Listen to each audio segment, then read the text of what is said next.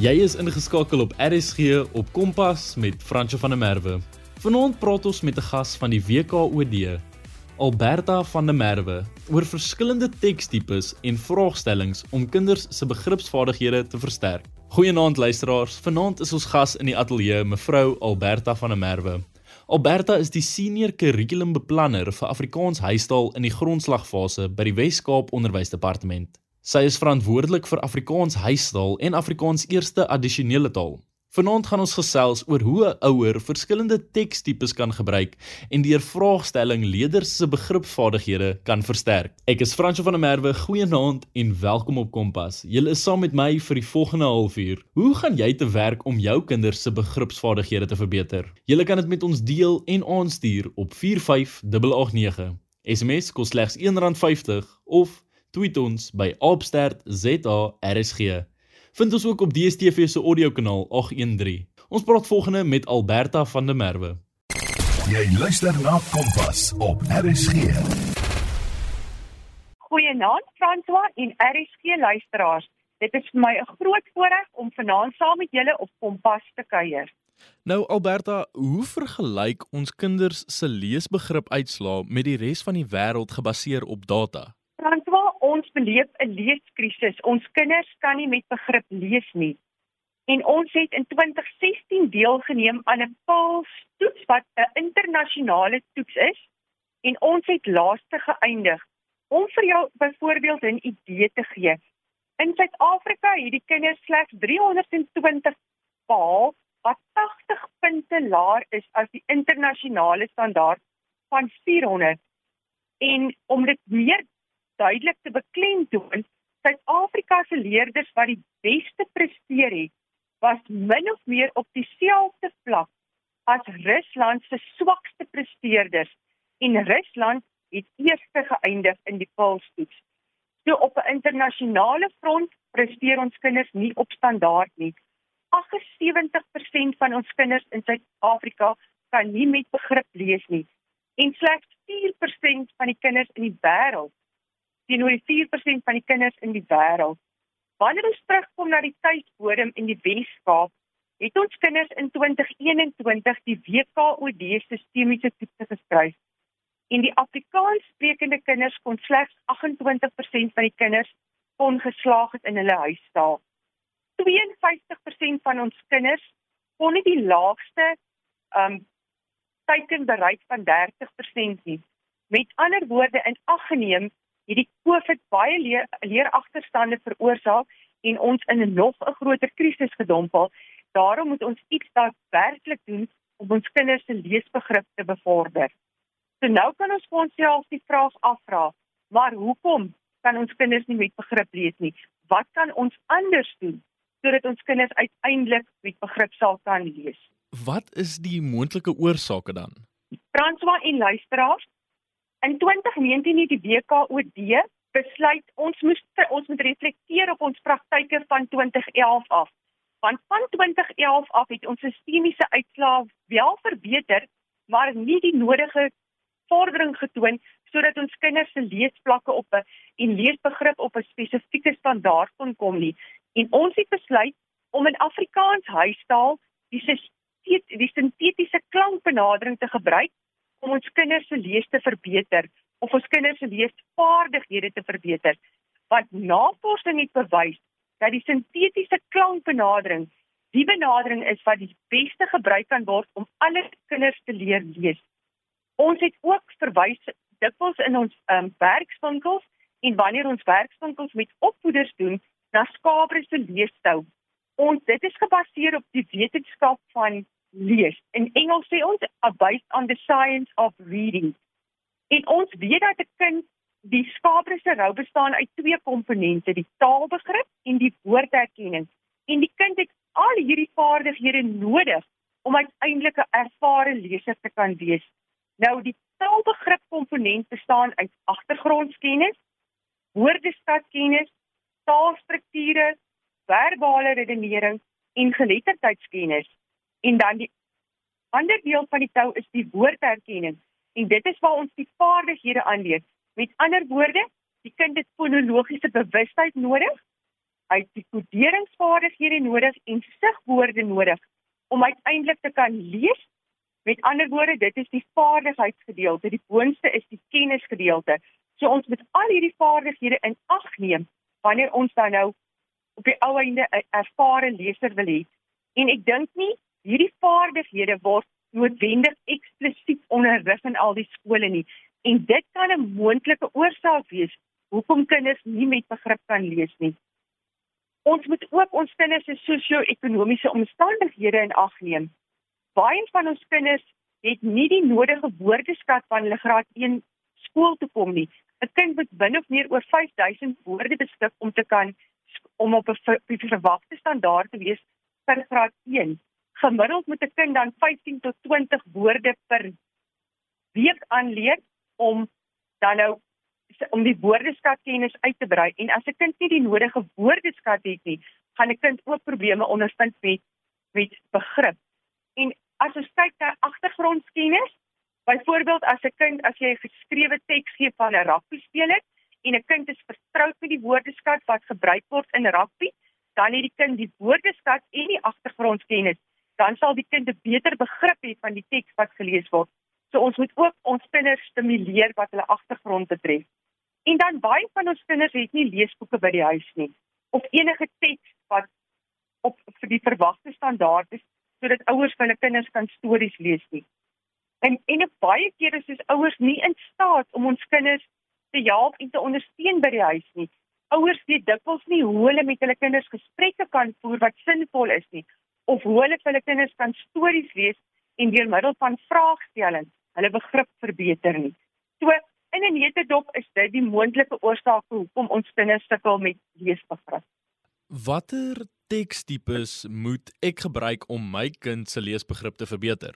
In Frans waar ons kyk na drie tipes teks. Die eerste teks is verhalende teks.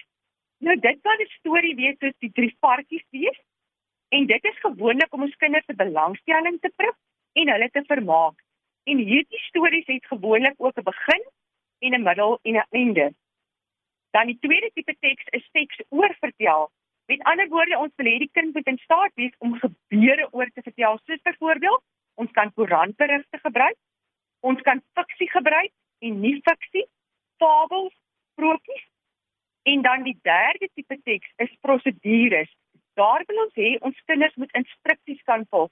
Met ander woorde, as ons 'n sjokoladekoek wil bak, wat is die stappe wat ons gaan volg om deur om uiteindelik by die sjokoladekoek uit te kom wat uit die oond uit kom. So as ons hierdie regte stappe volg, dan gaan ons koek 'n mislukking wees.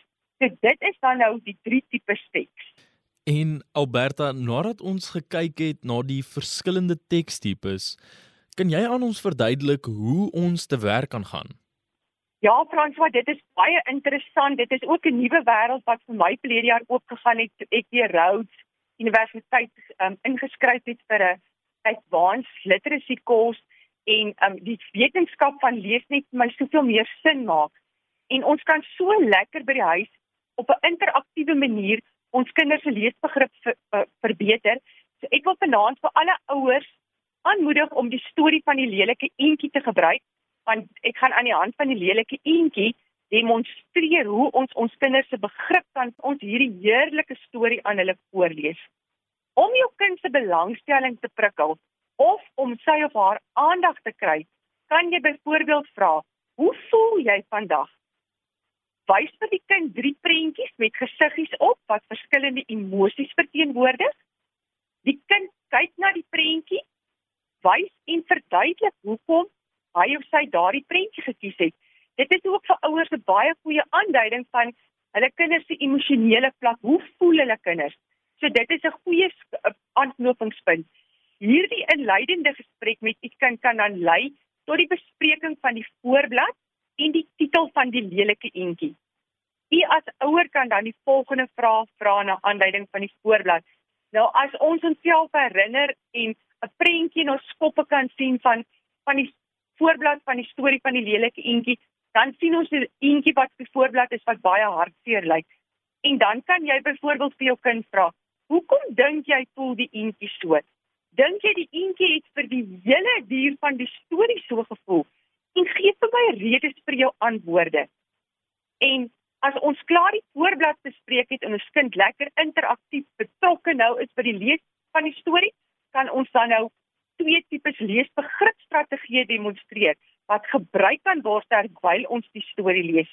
Die twee strategieë op waar op ons gaan fokus is agtergrondkennis en om te voorspel wat gaan gebeur.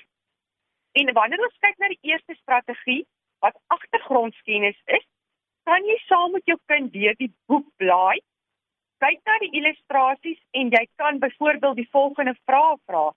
Waar dink jy speel die storie af? Hoekom dink jy so? Watter diere woon op 'n plaas?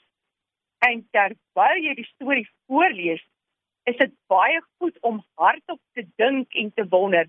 Ek wonder hoekom huil die eentjie? Ek wonder hoekom lyk die diere so ongelukkig? En wonder, ek wonder hoekom die eentjie so huil. En dan kan jy ook deur hardop te wonder jou kind motiveer om ook vrae te stel.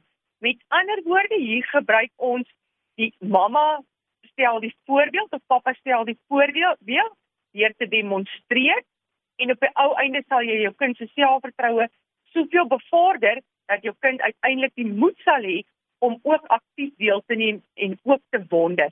So dit is die agtergrondkennis. Nou wanneer ons kyk na na ons tweede strategie is om te voorspel. Wanneer ons byvoorbeeld kyk na die voorblad van die storie, dink jy die storie kan jy die volgende vraag vra? Dink jy die storie gaan 'n hartseer of 'n gelukkige einde hê? Hoekom gebruik hulle die woord lelik in die titel om die eentjie te beskryf? Want dit is nie mooi om vir iemand te sê hy's lelik nie. So jy kan die hele gesprek uitlos en die kind kan voorspel. Onthou wanneer ons voorspel, is iets nie noodwendig reg of verkeerd nie. Die kind sien dit in sy konteks en uiteindelik gaan die kind dan sien of 'n reg of verkeerd voorspel het. So die uitkoms is nie belangrik nou nie. Hoe meer u dan nou as ouer hierdie strategie gebruik wanneer u vir u kind 'n storie lees, hoe meer selfvertroue sal u kind kry om te reageer op die vraag of om voorspellings te maak. Kompas, jou loopbaanrigtingaanwyser op RSG. Julle is ingeskakel op Kompas waar ons praat met Alberta van der Merwe wat ons meer vertel van verskillende tekstipes en vraagstellings om kinders se begripsvaardighede te versterk. Ek is Fransjo van der Merwe, jy is ingeskakel op RSG. Ek onthou eintlik tot vandag toe van die stories wat ek as kind gehoor het, soos die van die drie varkies en die wolf of die lelike eentjie. En ek dink dit is so omdat toe ek jonger was, was daar so baie klem gelê op hierdie kinderstories. Ek onthou ons 'n CD gekoop het met hierdie verhale en dit het by die nasorg gespeel, asook het ons dit by die huis geluister en dit het beslis 'n impak gemaak omdat ek so baie jare later dit steeds onthou. Ons praat verder met Alberta van der Merwe. Nou, watter tipe vrae kan ek aan my kind vra nadat ek die storie aan hom of haar gelees het? Franswa, hierdie is nou 'n groot uitdaging want ek self sukkel nog baie keer om te fokus op die vier tipes vrae. Maar dit is baie belangrik dat ons baie gereeld vir ons kinders hierdie vier tipes vrae moet vra. Want wanneer ons gaan kyk na die paalstoetse, dan het ons kinders van het ons kinders uitgeval by die meeste van hierdie vrae. Hulle kon byvoorbeeld nie vrae 2, 3 en 4 beantwoord wat ek nou met julle gaan bespreek nie. Die vraagstelling moet op verskillende vlakke wees. Met ander woorde, ouers, ons begin van maklik na moeilik toe. Wanneer ons kyk na die eerste tipe vraag en luisteraars, hierdie vraag is dan ook gebaseer op die lelike entjie. Wanneer ons kyk na die eerste tipe vraag, letterlike vraag, die antwoorde is in die teks of in die prentjie. So die kind het nie agtergrondkennis nodig om hierdie vrae te beantwoord nie. 'n Voorbeeld van so 'n tipe vraag sal dan nou wees: Hoeveel eiers was in die nes? Met ander woorde, die kind kan teruggaan na die maklikste tipe vraag. En hier kon 'n groot hoeveelheid van ons kinders nog die vraag beantwoord. Maar hier by die volgende tipe vraag kom die uitdaging nou. En dit is die vraag waar hulle afleidings moet maak, moet maak. So met ander woorde, die antwoorde is nie eksplisiet in die teks nie. Die kinders moet dink oor die vraag en hulle agtergrondkennis en leidrade uit die teks gebruik om die antwoorde te soek. Die kinders moet hulle antwoorde kan motiveer met die nodige leidrade uit die teks. So dit raak al hoe moeiliker. So dit is 'n vaardigheid wat ons herhaaldelik sal moet inoefen. Nou die 'n voorbeeld van so 'n tipe vraag sal dan nou wees: Watter bewyse kan jy uit die storie gebruik om te verduidelik dat die eentjie anders gelyk het? So dit is 'n vraag waaroor 'n kind sal moet gaan dink. Hy sal met agtergrondkennis hê. Hy sal moet leidrade uit die teks gebruik om sy antwoorde te motiveer. En dan die derde tipe vraag is evalueringsvrae. Hier word die kinders gevra om hulle opinie te lig of hulle saamstem met die gebeure in die teks, wat die implikasie sal wees en waarvan hulle hou. 'n Voorbeeld van so 'n tipe vraag sal dan nou wees: Hoekom dink jy het die lelike eentjie besluit om nie meer op die plaas te bly nie? So hier moet die kinders ook agtergrondkennis en leidrade uit die teks gebruik om dan nou hulle opinie te lig. So en as ons nie kinders gaan aanmoedig om gereeld te kommunikeer oor teks nie en hulle mening te lig nie, gaan hulle nie in staat wees om hierdie tipe vrae te beantwoord nie. En dan die vierde tipe vraag is waarderingsvrae. Hier kry die kinders die geleentheid om hulle gevoelens uit te spreek oor die teks. En 'n voorbeeld van so 'n tipe vraag sal dan nou wees: Wie dink jy het vir die lelike eentjie gehelp om in 'n pragtige swaan te verander? En hoekom sê jy so? François, dit is dan die vier tipes vrae. Ek herhaal net weer, die eerste vraag is 'n letterlike vraag. Daar het die kind geen agtergrondkennis nie nodig om die vraag te beantwoord nie. Die vraag is in die teks. Die tweede tipe vraag is waar hulle moet afleidings maak. Die antwoorde is nie eksplisiet in die teks nie. Met ander woorde, hulle moet hulle agtergrondkennis en leidrade uit die teks gebruik om die antwoord om die vraag te beantwoord. En dan die evalueringsvraag is die derde tipe vraag. Dit is hier waar hulle opinie moet lig en wat hulle moet saamstem of nie saamstem met gebeure wat in die teks is. En dan ons laaste tipe vraag is ons waarderingsvraag. Hier kry die kinders dan nou die geleentheid om hulle gevoelens uit te spreek oor die teks. Ouers en luisteraars, ek wil u aanmoedig, ek wil u uitdaag om hierdie vier tipe vrae vir u kind te vra wanneer u vir haar of vir hom 'n storie lees. Hierdie vaardighede moet ingeoefen word.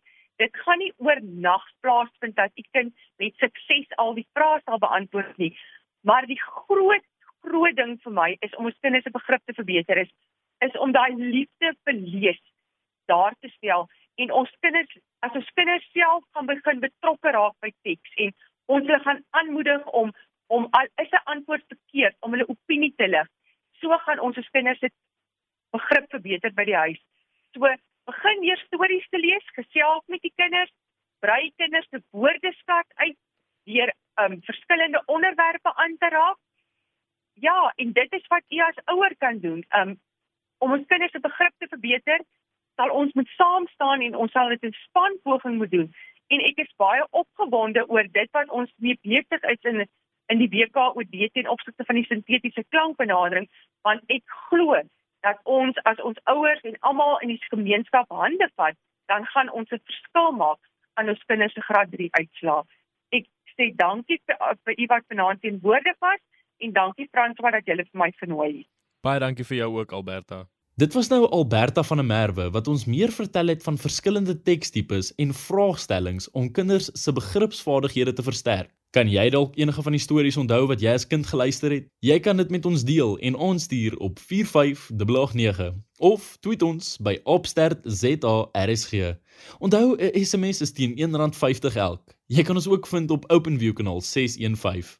Jy kan weer na die program luister op www.rsg.co.za.